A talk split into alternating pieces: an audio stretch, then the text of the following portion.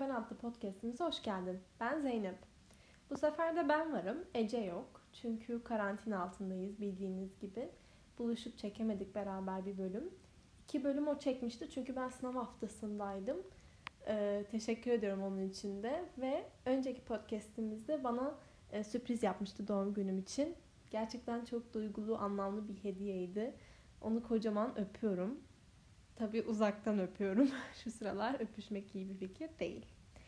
Evet, bugünkü konumuz da aslında karantina. Yani karantinada ne yapabileceğimiz.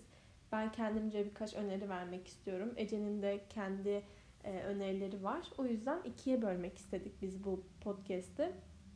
Birincisi e, benim izlediğim dizi, film, e, YouTube kanalları önerilerinden oluşacak. Ece'ninkiler de biraz daha spor yaparken kullandığı uygulamalar, meditasyon e, önerileri. Ben çok o alanlarda kendimi hakim görmüyorum. O yüzden ikimiz de böyle bir e, ayrım yaptık. Sesim de biraz kötü gelebilir. Çünkü hafif boğuklaştı sesim. Belki hasta oluyorumdur. Bilemiyorum. Korkuyorum da. Öyle şimdiden özür dilerim. Eğer sesimde oluşabilecek bir hata olursa. Evet evde yapılabilecek şeyler part 1'de. Ben ne yapıyorum? Tabii ki de herkes gibi sosyal medyaya giriyorum, çıkıyorum, kitap okuyorum, dizi film izliyorum. Bazen Sims 3 oynuyorum. Çok büyük bir Sims hastasıyım. Bağımlısıyım. Ee, işte onlar hakkında konuşmak istedim. YouTube'dan başlayayım çünkü YouTube'da iki tane önerim var. YouTube'da TRT Arşiv Belgeselleri diye bir kanal var. Buradan e, eski Türk Türkiye'de yapılan röportajları, belgeselleri bulabilirsiniz. Gayet güzel çekilmiş, güzel bir diksiyona sahip olan insanların yaptığı belgeseller. Çok bilgilendirici, e, enteresan, güzel bir belgesel. Ona bakabilirsiniz. Bir de yine aynı şekilde 32. gün arşivleri diye bir YouTube kanalı var. Aynı TRT gibi onlarda da Türk siyasetine e, ait veya siyaset de değil bir sürü videolar bulabilirsiniz. Eski Türkiye'ye ait. Evet YouTube bittiyse şimdi ben Netflix'teki özellikle Netflix'teki e, bazı dizi film önerilerine bak söylemek istiyorum. Herkesin bildiği diziler değil de biraz daha kıyıda köşede kalmış e, benim beğendiğim dizilerden bahsetmek istiyorum sizlere. O yüzden birincisiyle başlayalım. Mindhunter. Mindhunter e, popüler bir dizi sanırım. Hani tam böyle kıyıda kıyıda köşede kalmış bir dizi değil ama hani benim arkadaş çevremden kimse izlemiyor. O yüzden hani izlemeyen insanlar vardır diye tekrardan önermek istedim sizlere. Dizi 1970'li yıllarda geçiyor. İki tane FBI ajanının seri katil profillerini inceleyip çıkarmalarını anlatıyor. Yani bir nevi katillerle konuşup onların düşünce tarzlarından katil profili diye bir kavram çıkartıyorlar. Bunlar gerçek yaşamlardan uyarlanmış. Yani Ed Kemper, Charles Manson gibi seri katillerle konuşuyorlar ve bir seri katil profili yaratmaya çalışıyorlar. Çok ilgi çekici, böyle biraz psikolojik yanı olan hem geçmişten ilham aldığı için gerçeklik payı var ve bu insanın kanını donduruyor bence. Çok güzel bir dizi ama biraz yavaş ilerliyor. O yüzden hani sıkılmadan ilerledikçe dizi daha böyle insanı içine çekiyor diyebilirim. O yüzden ilk başlarda sıkılmadan devam etmenizi öneriyorum ben size. İkincisi The Bodyguard. Bu dizi aslında bir sürü ödül almış bir dizi yurt dışında ama yine insanların bildiği e, dizilerden değil. Bu dizide de David Butt adında e, bir savaş gazisinin İçişleri Bakanı'nı koruması oluyor. Ve David Butt gazi olduğu için psikolojisi bozulmuş, işte boşanmış, e, alkol sorunları olan bir insan. E, hem onun biraz kendi içsel dünyasında ailesiyle yaşadığı problemleri görüyoruz. Hem de İçişleri Bakanı'nın ülkede artan terör olayları ile ilgili yaptığı politik kararlar, yanlışlar bunları izliyoruz. E, çok nefes kesici bir dizi bence. Özellikle zaten dizi açtığınızda ilk 20 dakika sizi hapsediyor resmen. O kadar geriliyorsunuz, o kadar içine çekiyor ki dizi. Muhteşem. Ece'ye de bunu önermiştim. Ece de çok beğenmişti ki normalde hiç onun tarzı olan bir dizi değil. Bu İngiltere'deki terör olaylarıdır, politikadır falan. Ama gerçekten hani Ee, çok çok güzel bir dizi. Mutlaka bakmanızı öneriyorum. Üçüncüsü Tepedeki Ev. Aslında bu dizi bir korku dizisi. Ama bence değil. Çünkü ben korku filmlerini, dizilerini, kitaplarını hiç izleyip okuyamayan bir insanım. Çok korkuyorum. Zaten bunu da izlemeyecektim ama o kadar çok metini duydum ki hani çok güvendiğim, tavsiyesine uyduğum insanlardan dedim ki neyse ya korkacaksan korkayım, izleyeyim ama tabii ki de korkunç. Hiç hani korkunç değil diyemeyeceğim. Gayet korkunç. Uyuyamadığım birkaç gece oldu ama e, korkudan çok dram ağır basıyor. Zaten çekim te- teknikleri mükemmel. Yani sinematografisi inanılmaz bence. Sırf onlar için bile izlenir. Olayın akış e, kurgusundaki minik dokunuşlardan tutun da yani her şey. Bence Netflix'in en iyi işlerinden bir tanesi. Çok çok beğendim ki hani ben bir korku dizisine, bir korku yapımına böyle bir şey kolay kolay söylemem. Çünkü çok e, sevmiyorum. Ön yargıyla yaklaşıyorum zaten. Ece'ye de e, izle izle diye tutturdum ama bir türlü izlemedi. İzleteceğim umarım. Ama siz lütfen, lütfen bakın. Konusundan e, azıcık bahsetmek istiyorum. Çocukken hayaletli bir eve taşınan kardeşlerin o evde annelerini kaybetmeleriyle başlıyor aslında.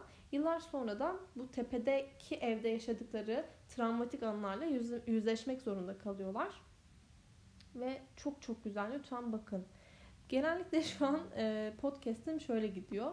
Çok çok güzel, çok çok güzel ama gerçekten böyle en en sevdiklerimden bahsediyorum size. Tabii ki de hepsinin bir kusuru vardır ama o kusurları ben görmezden geliyorum. O kadar güzel eserler benim için. Dördüncüsü Masum diye bir dizi. Bu bir Türk dizisi. Ee, Ali Atay, Haluk, Haluk pardon, Haluk Bilginer, Okan Yalabık oynuyor. Zaten bu kadroyu görünce ben her zaman tıklarım. Hani konusu isterse TRT Biler olsun yani ama bu kadro varsa izlenir. Zaten hani her şey o kadar dengeli ki dizide. Normalde Türkçe dizilerde, Türk dizilerinde dublaj gibi konuşan karakterler vardır. Mesela Hakan Muhafız gibi ki aslında ben onu diziden bile saymak istemiyorum. Ee, yani burada her şey çok dengeli. Böyle ger- gerçekten olan bir olayı izliyormuşsunuz gibi sizi içine alan bir dizi. Ee, kısa da bir dizi. O yüzden böyle çok konusunu anlatıp spoiler vermek istemiyorum. Her şey spoiler olacakmış gibi geliyor ama e, kısaca bir komiser Cevdet'in ailesinin trajedisini anlatan bir gizem dizisi. Ama ben her şeyi çok beğendim. E, bir fırsat vermenizi isterim yani. Beşinci olarak Bojack Horseman. Bu dizim e, Netflix'te Tepedeki Ev'le birlikte en sevdiğim yapım. Netflix yapımı. E, bir animasyon dizisi aslında ama animasyon dediğime bakmayın. Hani bir çocuk dizisi değil. Bu yetişkinlere yönelik yani çocukların izlememesi gereken bir animasyon aslında. E, bir atın, at insanın, ünlü bir at insanın başından geçen olayları anlatıyor. Tabi bir sürü yan karakterler ve onların da hayat hikayelerini görüyoruz. Genel olarak böyle depresyon, çocuk yaşta kazanılan ünün ileride getirebileceği bu uyuşturucu bataklığı, sektörün ve insanların onu ne kadar kötü etkilediğini anlatıyor. Aslında her şeye parmak basan çok çok güzel e, dram ağırlıklı olan bir dizi. Yani bilmiyorum beni çok çok etkileyen bir dizi. Şu an bile konuşurken bilmiyorum gözlerim doluyor. Aslında hani öyle e, buram buram ağlatan bir dizi değil ama beni çok etkileyen, gerçek yaşamla bağdaştırdığım bir sürü sahnesi vardı.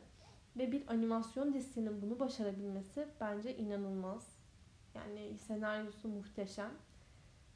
En başlarda bu dizide de biraz sıkılabiliyorsunuz. Ama e, mutlaka devam edin. İleride böyle gerçekten kendinizi içinde bulacaksınız. Çok çok güzel bir dizi.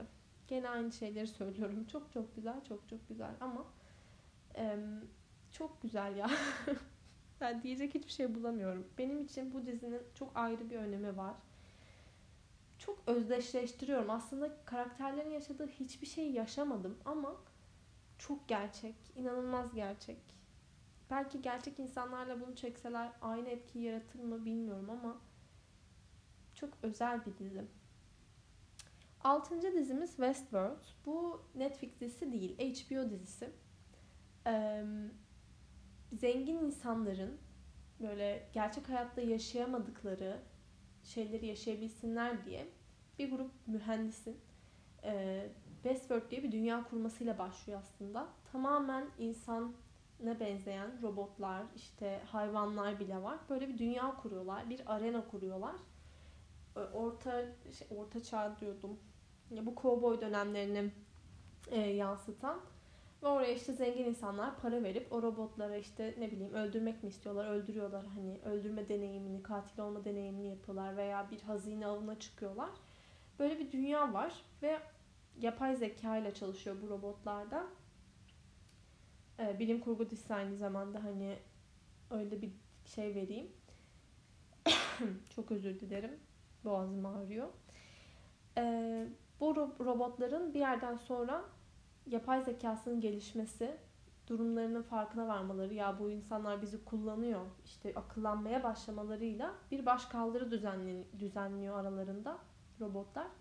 Böyle çok içerisinde metaforlar olan, ince işle, ince ince işlenen bir sanat dizisi aslında. Çok yavaş gidiyor. Buna e, hani inkar etmeyeceğim. Bazı insanlar hani sıkılabilir ki ben de en başlarında sıkıldım. Ama bir yerden sonra öyle bir akıyor ki gerçekten bir tablo gibi dizi. Hani tablonun bakıyorsunuz her kenarında bir şey olur ya öyle. Hani karışık karışık ama bütüne baktığınızda mükemmel bir dizi. Ee, özellikle hani şu an uzun, uzun süre karantina altındayız. Hani böyle uzun e, bölümlerle izlenip olayı daha iyi çözümleyebiliriz belki. Aynı zamanda yazarlarından biri Jonathan Nolan, Nolan ve eşi Lisa Joy. Hani Christopher Nolan'ın kardeşi olan. Hani çok çok güzel ya. Anthony Hopkins oynuyor. Kadrosu da çok güzel. Oyun yani hiçbir kusur bulamıyorum ben Westworld'de. Kusursuz bir dizi. Sonraki dizimiz Altered Carbon. Bu da cyberpunk bir dizi. İnsan be- belleğinin çiplere aktarılma teknolojisiyle e, işte ölümsüzlük kazanması. Bedenin bir anlamı kalmıyor. İnsan belleği o çiplerde olduktan sonra A bedenine, B bedenine hepsine yerleştirerek hani ömrünü devam ettirebiliyor. Ve Takeshi Kovash diye bir e, asker var. Bu asker de zengin bir ailede yaşanan cinayeti çözerken kendi geçmesine dalmasını anlatıyor. Dünyası bayağı ilgi çekici. Dövüş sahneleri de gerçekten hani ben nefessiz izledim. E, ama tabii yine herkese herkes aynı etki yaratmayabilir. Hani bu dünyaları, cyberpunk dünyaları sevenler için bence güzel bir e, dizi. Yoksa hani bir ilginiz yoksa bence çok sizi sarmaz. Ama gerçekten hani olay örgüsü olsun, e, dövüşleri olsun, oyunculukları olsun. Birkaç oyunculuğu kötü ama e, genel olarak bakıldığında güzel denilebilecek bir dizi. İkinci sezonunu daha izleyemedim maalesef ama onun da iyi olduğunu duydum. Şimdi Ecem'izin bir önerisi var. Elite veya Elite bilmiyorum nasıl okunuyor İspanyol dizisi. Ee, biraz şeye benziyor sanırım. Ufak tefek cinayetlerin liseli versiyonu gibi. Bir okulda bir cinayet oluyor. İşte öğrencileri teker teker sorguya çekip anlat e, şey cinayeti çözmeye çalışıyorlar. Ben ilk başlarda ben de izledim bu diziyi bu arada. 3 sezonu var ama ben ikisini izledim. Ee, ilk, ilk başlarda bu diziyi biraz sever gibi oldum ama ondan sonra artık hani sanki biraz cinayetten uzaklaştı, konu koptu. Daha farklı Netflix vari yerlere çekildi. Ben çok şey yapamadım yani bağlanamadım. Hani bir koptum, bir geri geldim. Hani bir tekrar olay kendine beni çekti ama ondan sonra tekrar böyle sakız gibi uzayan bir e, dizi benim gözümde ama Ece çok beğenmiş ki Ece de hani e, dizi zevki iyidir. O yüzden izleyebilirsiniz. Gençlik dizilerine ve cinayet dizilerine ilginiz varsa. Dokuzuncu önerim parfüm. Parfümü de ben izlemedim ama Ece'nin anlattığı kadarıyla ve fragmanını izlediğim kadarıyla bayağı ilgi çekici duruyor. Bu Patrick Süskind'in e, koku kitabından etkilenen 5 arkadaş anlatıyor ve bir cinayet işleniyormuş. Hani e, aynı o kitaptaki, filmdeki cinayetleri nasıl işleniyorsa böyle bir cinayet var ve işte bunun araştırılmasını anlatıyor.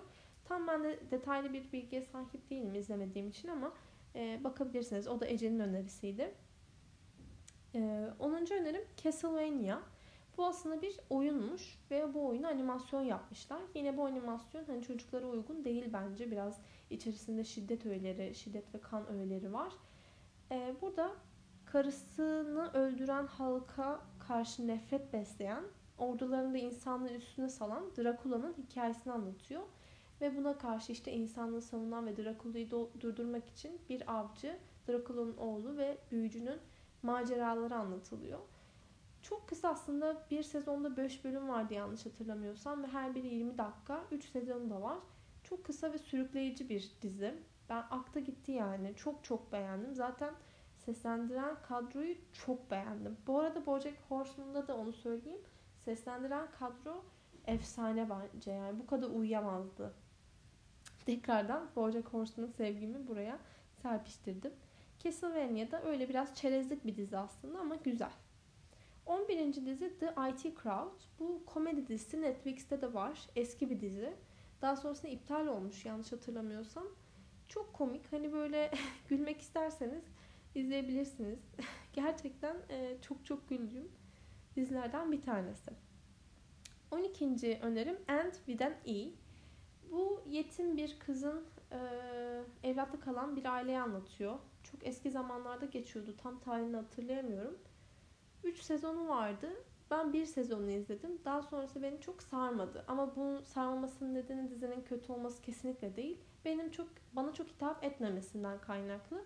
Çok sıcak, aile bağlarını anlatan, o kızın, küçük kızın hayal dünyasının güzelliğini anlatan bir dizi. Ama tabii bir yerden sonra işte beni çok içine çekmedi. Ama bu tarz dizileri sevenler varsa gerçekten çok beğenebileceğine inanıyorum. Biraz hızlı hızlı geçmek istiyorum. Biraz şey oldu sanırım. Uzun oldu. Böyle sadece küçük e, isimlerini verip küçük bilgiler vereyim. E, bana kim olduğumu söyle. Tell Me Who I Am diye bir e, belgesel var Netflix'te. Gerçek olayların olaylardan e, esinlenilmiş. Aslında esinlenilmemiş. Direkt gerçek olayı anlatan iki kardeşi anlatıyor. Bir belgesel. Çok ilgi çekici ve kan dondurucu bence. Ona da bakabilirsiniz. 16. önerim 16 mı olduk mu ya? Galiba bir yanlışlık yaptım orada ama neyse. Community diye bir dizi. Bu da bir e, üniversitede geçen öğrenci grupları arasındaki komik olayları anlatıyor. Muhteşem bir komedi dizisi. Yani bu kadar güldüğüm bir dizi hatırlamıyorum. Her karakter ayrı ayrı özelliklere sahip ve komikler. Community'yi mutlaka izleyin derim. Bir sonraki önerim Big Little Lies. Big Little Lies ufak tefek cinayetlerin aslında çıkış noktası. E, Nicole Kidman e, ve bir sürü daha önemli, şu an isimlerini hatırlayamadım, ünlü oyuncu var. Çok güzel e, bir aile hikayesini anlatıyor aslında. Bir cinayet var, arkadaşlık var, ailelerin, her ailenin kendi içinde yaşadığı dramlar var. Ve çok güzel harmanlayıp sunmuşlar. Bakabilirsiniz eğer ufak tefek cinayetleri beğendiyseniz. Orijinalidir kendisi. Good Omens diye bir dizi var. Bu da yine biraz fantastik, biraz değil, direkt fantastik. Kıyameti önlemeye çalışan bir melek ile bir şeytanı anlatıyor ve bu ikisi birbirleriyle dostlar. Yani şeytan ve meleğin dostluğunu izlerken bir yandan e, kıyameti önlemeye çalışıyorlar. Gayet e, eğlenceli, güzel bir dizi o.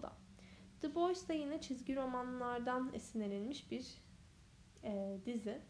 İşte çizgi işte gördüğümüz Hani süper kahramanlar iyidir, umut aşılarlar, hepsi gerçekten insanları kurtarmaya çalışır ve kurtaramazlar ve bunların sonuçlarıyla mücadele etmeye çalışırlar veya kurtarırlar işte günün kahramanı olurlar vardır normalde.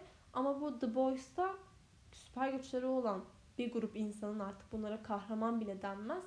Ee, nasıl iki yüz olduklarını gerçekten şu an hani ben çok güçlü olsam bir güç kazansam hani bunu bir anda şirketlerin işte oyuncak bastırmaları, hemen üstünden insanların üzerinden para kazanmaları ve bu kahraman dedikleri insanların ne kadar ikiyüzlü olduğunu anlatan e, bir dizi. Çok güzel yani ben inanamadım. Amazon'un bir yapımı. Bu kadar güzel beklemiyordum. Çünkü hiç ismini duymamıştım The Boys'un. Ama yine artı 18 hani ona da dikkat etmek gerekir. Çok fazla şiddet öğesi var.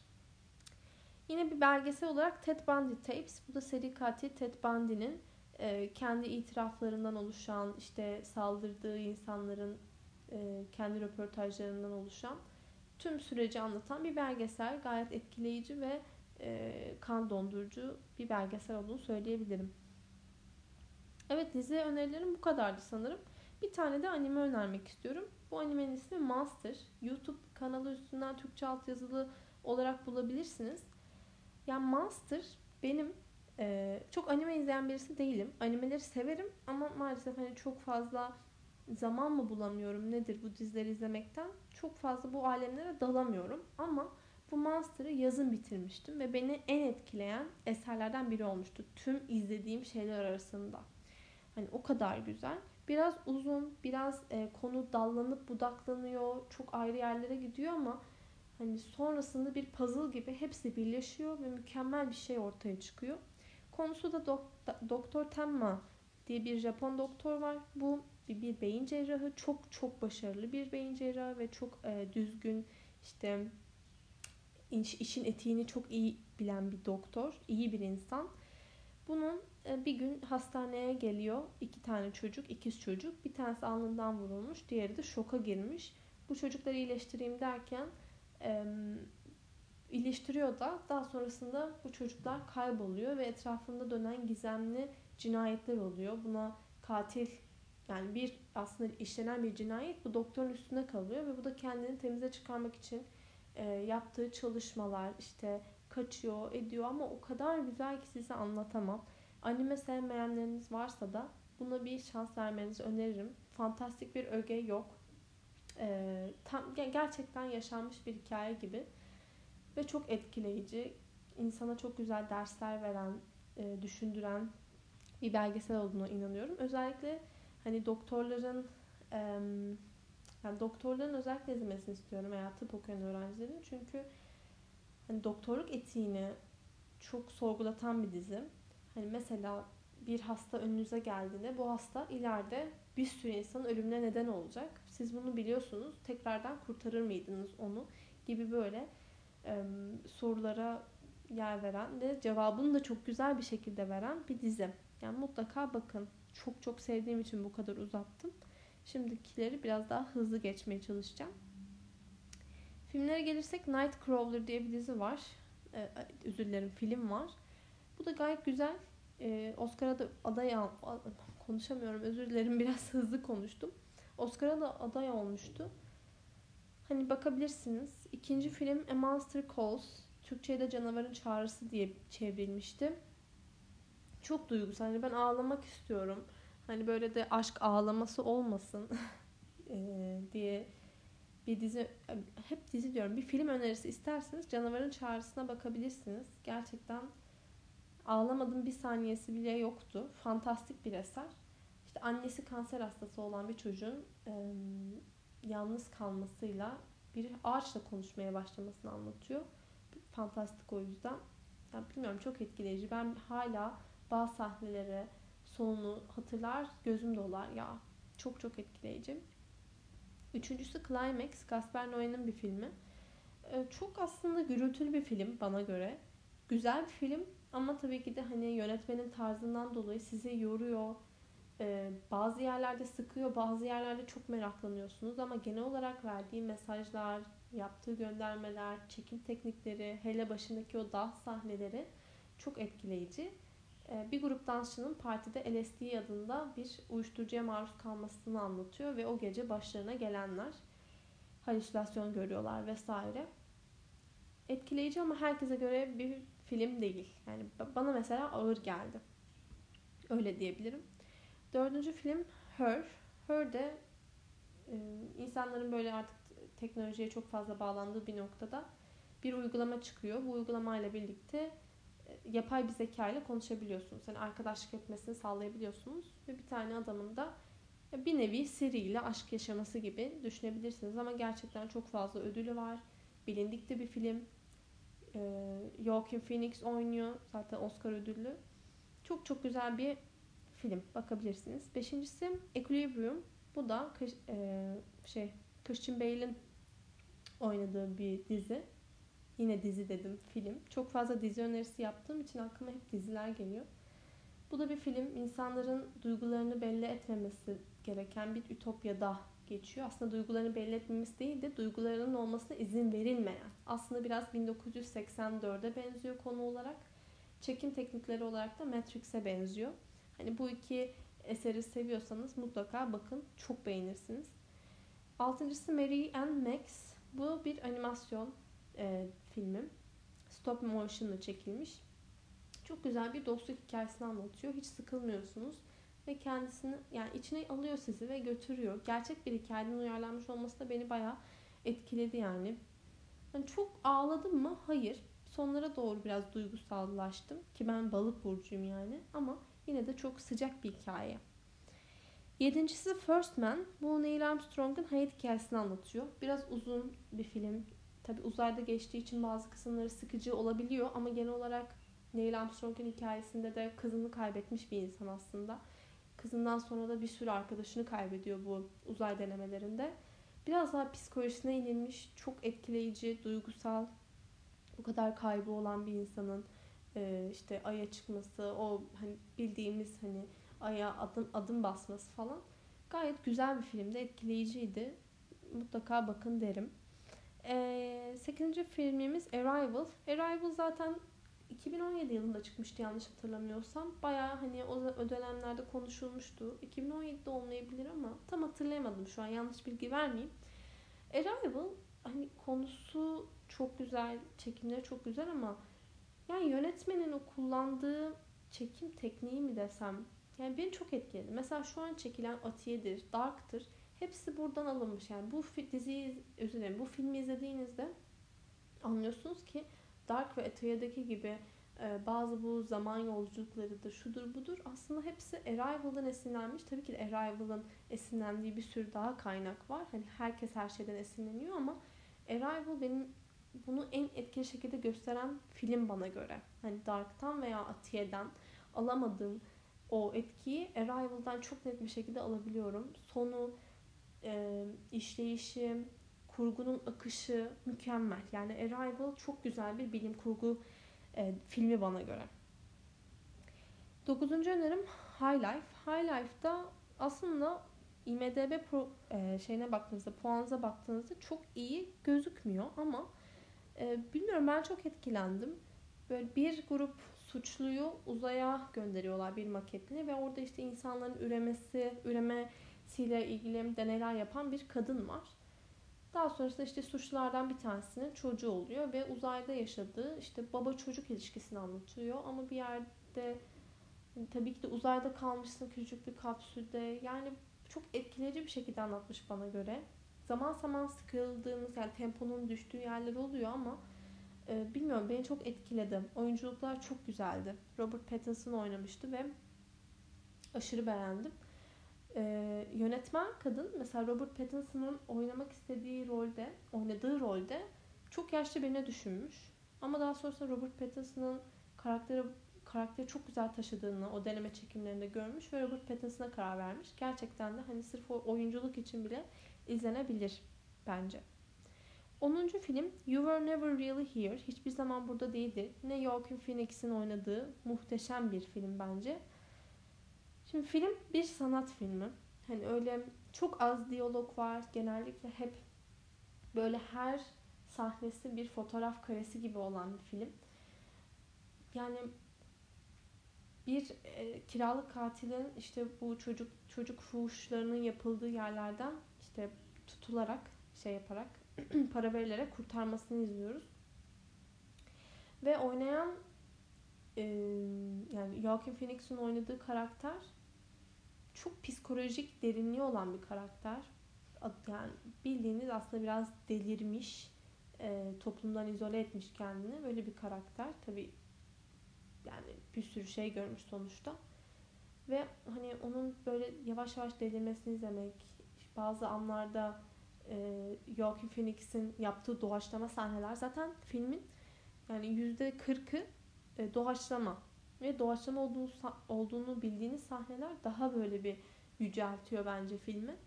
Çok çok güzel. Yönetmen aynı zamanda Joaquin Phoenix'e bir CD vermiş. Bu CD'nin içerisinde havai fişek patlama sesleri varmış. Hani karakter bu demiş. Karakterin zihni böyle. Ve Joaquin Phoenix de bunu dinlemiş. Hani havai fişek patlama seslerini yani. Çok çok güzel bir film ama dediğim gibi e, diyalogları az, olaylar hani böyle tempolu tempolu gitmiyor. Biraz sanat filmi bana göre. Ee, film önerilerim de bu kadardı sanırım. Ece'nin birkaç önerdiği şey vardı. Ee, onu sizlere söylemek istiyorum. Ece'nin de sevdiği filmler Esaretin Bedeli. Hani bunlar bilindik filmler ve gerçekten çok güzel filmler. Hani izlemediyseniz mutlaka bakın derim. İkincisi Leon the Professional, üçüncüsü Fight Club, dördüncüsü The Last Song ve beşincisi Sex and the City. Hani bunlar da Ece'nin önerdikleri. Ece'nin de film zevki iyidir. O yüzden e, mutlaka bakın bence. Çünkü bol bol zamanımız var. Tabi arada ders çalışmayı da unutmayalım. ben şu an çalışmıyorum ama çalışmam lazım. Hemen kısa kısa birkaç tane kitap önermek istiyorum. Zaten kitapların ben konularını anlatmayı çok sevmem. O yüzden çok detaylarına girmeyeceğim. Sadece türlerini falan söylemek istiyorum. İlk önereceğim kitap Karısını Şapka Sanan Adam. Oliver Sacks diye bir nöroloğun yazdığı, işte kendi vakalarına vakalarında gördüğü şeyleri kitap kitaplaştırdığı bir e, eser. Hani çok mu güzel? Bence hayır. Neden önerdim diyeceksiniz. Çünkü çok enteresan şeyler var içerisinde. Ama sonlara doğru gittiğinde bence artık hani vakalar çok da enteresan olmuyor. Birkaç vaka çok enteresan geldi bana. Yani onlara bakmak açısından insan psikolojisine e, meraklıysanız işte nörolojiye karşı bir ilginiz varsa mutlaka bakabilirsiniz. Freud, Freud'un e, temellerinden yola çıkarak yazmış bir yazdığı kitabı. Hep e, onun laflarından bahsediliyor. Hani ilgileniyorsanız bakabilirsiniz ama çok çok bu güzel bir kitap mı derseniz hayır. İkinci olarak önerebileceğim Yukio Mishima'nın Dalgaların Sesi. Çok sıcak güzel bir aşk hikayesi. E, akıyor yani kitap. Ona bakabilirsiniz. Ve aynı zamanda Yukio Mishima'nın da hayat hikayesine bir bakın derim. Çok ilgi çekici bir yazar bana göre. Üçüncüsü Halil Cibran'ın tüm eserlerini ben önerebilirim. Okuduğum e, Ermiş Ermiş'in Bahçesi, Kum ve Köpük gibi e, kitaplarını okumuştum ve hani çok çok beğenmiştim. Böyle hayata dair aslında kişisel gelişim gibi geliyor bana Halil Cibran'ın eserleri. Hayata dair çok güzel anekdotlar var. E, mutlaka bakın. Dördüncüsü Doktor Moria'nın Adası. Wels'in bir kitabıdır. Hani bilim kurgudur. Ee, çok güzeldir. Yani insanların, insanlaşan hayvanları ve hayvanlaşan insanların dramını anlattığı bir eser. Dediğim gibi yine çok sürükleyici. Hani bir günde falan oturup bitirirsiniz. Ee, çok da kalın değil. 197 sayfacık bir şey. Beşinci önerim Stephen Zweig'in kitaplarından Rahel Tanrı ile hesaplaşıyor. Bunu öneriyorum birinci olarak. İkinci olarak bir kadının yaşamından 24 saat ve olağanüstü bir gece. Aslında bu son iki dediklerim çok popülerler ama Rahel Tanrı ile hesaplaşıyor'yu ben hiç duymamıştım. O eser benim mesela en sevdiğim eser oldu. İçerisinde üç tane kısa hikaye bulunuyor. Çok beğendim, çok etkiledi. Bilmiyorum yıllar sonra tekrar okumak istiyorum bu kitabı çünkü e, hayata dair bana birkaç tane öğreti verdi diye düşünüyorum. Ve Rahel Tanrı ile hesaplaşıyor. Mutlaka okuyun eğer diğerlerini okuduysanız. Son olarak Güçsüz Düşmezsen Hayat Güzeldir. Set'in bir çizgi romanı bu. Ödüllü bir çizgi roman. Ee, çizgi roman seviyorsanız da hani böyle biraz daha karikatür, çizgi roman tarzı şeyleri seviyorsanız mutlaka bakmanızı öneriyorum. Şu anlık aklıma gelenler bunlar. Bir liste çıkarmıştım. O listeden böyle okudum. Size de bir kendi fikirlerimi anlatmaya çalıştım. Umarım çok sıkmamışımdır. Ee, Ece'nin bölümünde görüşmek üzere diyorum o zaman. Yine konuşamadım kusura bakmayın. Ee, görüşürüz.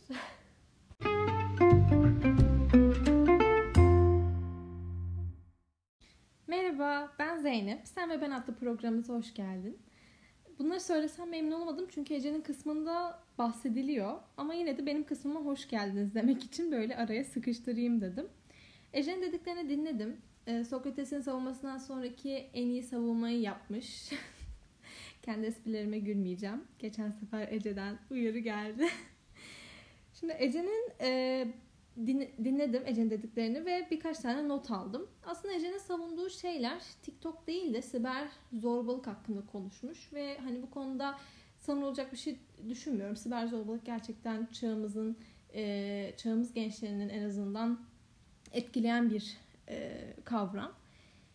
Şimdi onun dedikleri şeyler üzerinde böyle minik minik kendi fikirlerimi söyleyeyim dedim. TikTok'la e, geri kalan kısımları. Çünkü siber zorbalık dediğim gibi e, savunmaya bile geçmeyeceğim. Savunulacak bir tarafı yok. Şimdi Türkiye'de aslında böyle düşünülüyor dedi. TikTok'a karşı bu kadar ön yargı sadece en azından onun gördüğü e, sadece Türkiye'de varmış. Hayır aslında yurt dışındaki insanlar da yabancılar da böyle. Onların içerikleri de çok kötü. Hatta onları oradan çıktı. Yani Türkiye'den çıkmadı bu içerikler. E, onların bir nevi kopyası ama biz tabii Türkiye'de gördüğümüz için bize sanki e, işte bu ne bileyim kafa kırma, işte sevgilini çaldım, arkanı döndü, sevgilisi yok oldu muhabbetler aslında hepsini e, yurt dışından alınmış kaynaklar. E, o yüzden hani sadece Türkiye'de yok. Bunu demek istiyorum. Hatta YouTube'da bir ara Team e, Team 10'di galiba. Öyle bir grup vardı. Bunların hepsini böyle e, bir eve kapatmışlardı. 10 tane YouTuber'ı ve orada içerik üretmelerini istiyorlardı. Aynı şeyi şimdi TikTok'a yapıyorlarmış. 10 tane böyle kötü kötü TikTokçuyu alıp içerik üretmek için bir eve kapatmışlar. Hani emin ol e, yabancı ülkeler daha bile kötü diyebilirim. En azından biz taklitlerini yaparak kötü oluyoruz. Tabi bizim de e, taklit olmayanları var maalesef. Örnek olarak da şey vermiştim mesela o e, Türk bayrağı ben Türk'üm deyip kaslarını gösteren çocuğu. O çocuk bunu sevdiği için yapmıyor. O çocuk bunu prim, bunun prim olduğunu gördü. İnsanların onu paylaşıp dalga geçtiğini gördü. Bundan hoşlandı ve bunu devam ettirmek için aslında bir rol yapıyor. Yani çocuğun sevdiği bir şey olduğunu düşünmüyorum. Sadece daha fazla konuşulmayı sevdiğini düşünüyorum. Ee, ama şey konusunda haklıyım yani beğenmiyorsan niye paylaşıyorsun ve daha fazla insanlara neden bunu ulaştırıyorsun konusunda. Evet haklısın. Ben de mesela görmekten aşırı sıkıldım. Geçip geçip duruyorum ve artık paylaşılmasını istemiyorum. Çünkü paylaşıldıkça bu kötü içerikler devam edecek. Yani kim e, bir şeyi ne kadar izliyorsa onu yapmaya devam edersin. Mesela La Casa de Papel iyi bir dizi birinci sezonu iyidir ama işte 1-2'yi izle. Ondan sonrası nedir? İnsanların talepleri üzerine 3 ve 4 çekilmiş ve kötü yani. Hani o yüzden biraz alakasız oldu belki ama e, nerede talep varsa oradan içerik çıkıyor diyebilirim. E, bundan bahsetmiştim. Hani bu da benim e, fikrim. Peki neden e, hani bu TikTok bu kadar kötü kötü kötü? Çünkü TikTok bu kötü içeriklerle adını duyurdu aslında. Yani mesela YouTube'u biz nasıl eskiden bu e, işte klipler konuluyordu. İnsanlar yani ünlüler kliplerini koymak için kullanıyor. YouTube öyle öyle başladı. Sonra işte bu e, YouTuber denilen kavram ortaya çıktı. TikTok da bu kötü içeriklerle aslında bir nevi adını duyurdu. E, kötü içeriklerden sonra dans videoları geldi. Ondan sonra insanlar merak ettikçe bu uygulamaları kullandıkça içerikleri arttı. Ama bunun çıkış noktası bu olduğu için, adı kötü duyulduğu için insanların kafasında bir ön yargı olması normal. Hmm, yani şunu, bunu şeye benzetebiliriz. Mesela bir tiyatro salonu vardır veya bir sinema salonu vardır. Oraya gidersin, bakarsın yeni 10 tane film veya oyun e, oyun gelmiş. Tiyatro sahne oyunu gelmiş. Onu da kötü. Hani ben bir daha oraya bakmam. Ee, belki ondan sonrasında yeni yeni filmler getirecekler. Yeni yeni ne bileyim yurt dışından bir e, tiyatro oyununu getirecekler ama benim kafamda buradaki 10 filmde ilk geldiğinde kötü olduğu için o ben oraya bir daha hani bakmam. Biraz arz talep ilişkisi. E, ama tabii ki de hani bir daha e, gidip bakarsın, o bir filmi iyi bulursun, onu izlersin, sonra tekrar tekrar gitmeye başlarsın. Öyle şeyler de olabilir tabii ki de ama ben en azından kendi e, düşüncem. Kötü içeriğin fazla olduğu platformlara girmemeye çalışıyorum. İyi içerikler var mıdır? Evet ama ben bunu kovalamak da istemiyorum. İyi içeriklerin çok olduğu platformlara kaymak istiyorum. Yani aslında bunu bir tek TikTok üzerinden de bağlayamayız. YouTube'da YouTube'da her şey çok iyi bir içerik mi? Hayır. Hatta baya kötü yani YouTube'da ama e, denge olarak bakarsan iyi iyi de iyi sayısı da çok fazla, kötü sayısı da çok fazla. Ama TikTok'ta kötünün biraz daha ağır bastığını artık bence hepimiz e, söyleyebiliriz.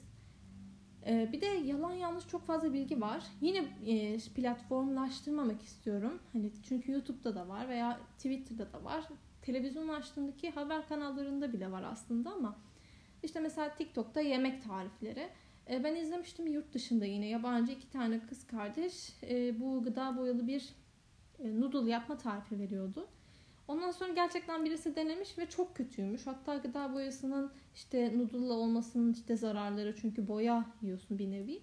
Hani böyle biraz daha e, yanlış yanlış bilgiler, e, insanları yanlış şeyleri teşvik eden e, şeyler oluyor. Ama yine dediğim gibi üstüne basa basa söylüyorum. Bunun platformla bir alakası yok. Yani TikTok'la bir alakası yok. Bu bütün sosyal medyada, bütün internette böyle aslında. Savunulacak şey e, bu, yani yok aslında. Bunu demek istedim yani. Vebalı bir profil çizmek demişsin. Abartsaydın. Yani en azından ben öyle düşünmüyorum. Veya e, TikTok kullananın zekasını sorgularım vesaire bunları da söylemiyorum ama hani dediğim gibi ben tercih etmem. Bu benim özgürlüğümdür. Tercih etmek de senin özgürlüğündür. İkimiz de birbirimize saygı duyarız. E, bu iş hakaret, küfür, işte zorbalığı geldiğinde asıl orada durmamız gerekiyor. Yani e, bunu söyleyebilirim. Ve aynı zamanda bu dalga konusu yani e, işte TikTok çekiyorlar sonra e, internete koyuyorlarmış vesaire. Yani dal geçiyorsun. Yine bu dediğim gibi siber zorbalığa dönüşmediği sürece okey. Çünkü sen internete videonu koyuyorsun. Buna erişim izni de veriyorsun insanlara. Ben o e, videoyu alıp istediğim şekilde düşüncemi söyleyebilirim. Hani bu dalga geçmek olsa bile yine hakarete, küfre gelme, gelmemek zorunda. Ama yine ben benim düşüncem bu komik bir yöndeyse bunu paylaşma hakkım benim de var. Bu da benim düşünce özgürlüğüm. Buna fazla insanlar katıldığında da toplu bir dalga geçme oluyor ama dediğim gibi e, bunların işleri yani bu çok farklı yerlere gidebilir. Senin böyle gülüp geçtiğin bir videoyu çeken e, kişi e, ciddi olarak mental açıdan etkilenebilir. Yani buna dikkat etmek gerekiyor dediğin gibi ama eğer özgürlükten bahsedeceksek bu da benim özgürlüğüm. E, yani buna da karışamayız demek istiyorum. E, onun haricinde ya bir de hani ben mesela sen dedin yani sen TikTok'u sevmiyorsun. Ya ben de zaten hani uygulamayı kullananları şikayet edip protesto etmiyorum veya kullananlar hapse atsın gibi böyle uç düşüncelerde değilim. Benim düşüncem de ben indirmiyorum, ben izlemiyorum, uzak duruyorum. Sen indiriyorsun, izliyorsun, e, içerisi içindesin. Yine profilini gizli yapma, açık tutma yine senin bilebileceğin bir iş. Hani utanıyorsan yani yine o şey yani utanabilirsin. Bu utanmaktan utanmanı gerektirecek bir şey de yok aslında. E, ayrıca TikTok'ta iyi şeyler var mıdır? Vardır. Hani gördüm de ben bunu. Ama dediğim gibi beni çekmiyor işte. Çünkü bir sürü saçma kurgu var. Ben o dans videolarını da sevmiyorum. Çünkü müzikle hareketlerin koreografisi be, benim hoşuma gitmiyor. Yani böyle çok uyumsuz geliyor. Ama yine dediğim gibi sana güzel gelebilir, başkasına güzel gelebilir ama bana güzel gelmiyor. O yüzden onları da görmek istemiyorum. O saçma sapan bazı e, pedofili e, kurguları bile var yani onlara kadar gördüm. Onlar hani yok bana gelmiyor. Hani normal düzeyde olan bu işte sevgilini çaldım, cüzdanını düşürdüm, kafasını kırdım muhabbeti falan da beni açmıyor. E, hani artık cringe'likten geçtim. Kötü içerik çok fazla olduğu için e, iyi içerikleri de aramak istemiyorum. Hani yine dediğim gibi o sinema tiyatro muhabbetine geliyor aslında. Ama tabii ki de e, işte dans ederken eğleniyorsundur. İşte hatta bu koreografileri yapmak senin hoşuna gidiyordur. Beğeniyorsundur da yapmaya devam et. Benim beğenmemem seni bağlamamalı. Hani sen de aslında onu diyorsun. Ee, bu da benim düşünce özgürlüğüm o zaman. Hani bu düşünce özgürlüğü mevzusu sonsuza kadar gider. Ee, ama yine yine dediğim gibi küfür olmayacak, hakaret olmayacak, kişiye saldırı olmayacak, e, toplu linç ettirilmeyecek. E, bu, bu şartlarla olabilecek şeyler. Yani genel olarak hani TikTok'ta diğer sosyal sosyal medya uygulamalarıyla aynı. Yani bir içerik e, sınırlanması yok. Ama kötü içeriğin e, fazla olduğunu söyleyebiliriz. Bu arada gerçekten iyi içerikleri gördüm. E, bu benim fikrim. Sen de hani bunları söylemişsin. Kahve tarifin için de teşekkür ederiz. Ben kahve sevmiyorum ama e, sevenler vardır yani. Ben de böyle düşünüyorum. İki tarafta birbirine saygılı olduğu sürece deyip böyle çok politik bitiriyorum ama evet bu kadar. 10 dakikada oldu sanırım benim e, konuşmam. Teşekkür ederiz bizi dinlediğiniz için. Başka hani böyle tartışmamızı istediğiniz e, konular varsa söyleyebilirsiniz. Çünkü genellikle Ece ile farklı düşüncelere sahibiz. Ve bu kadar. Teşekkür ederiz.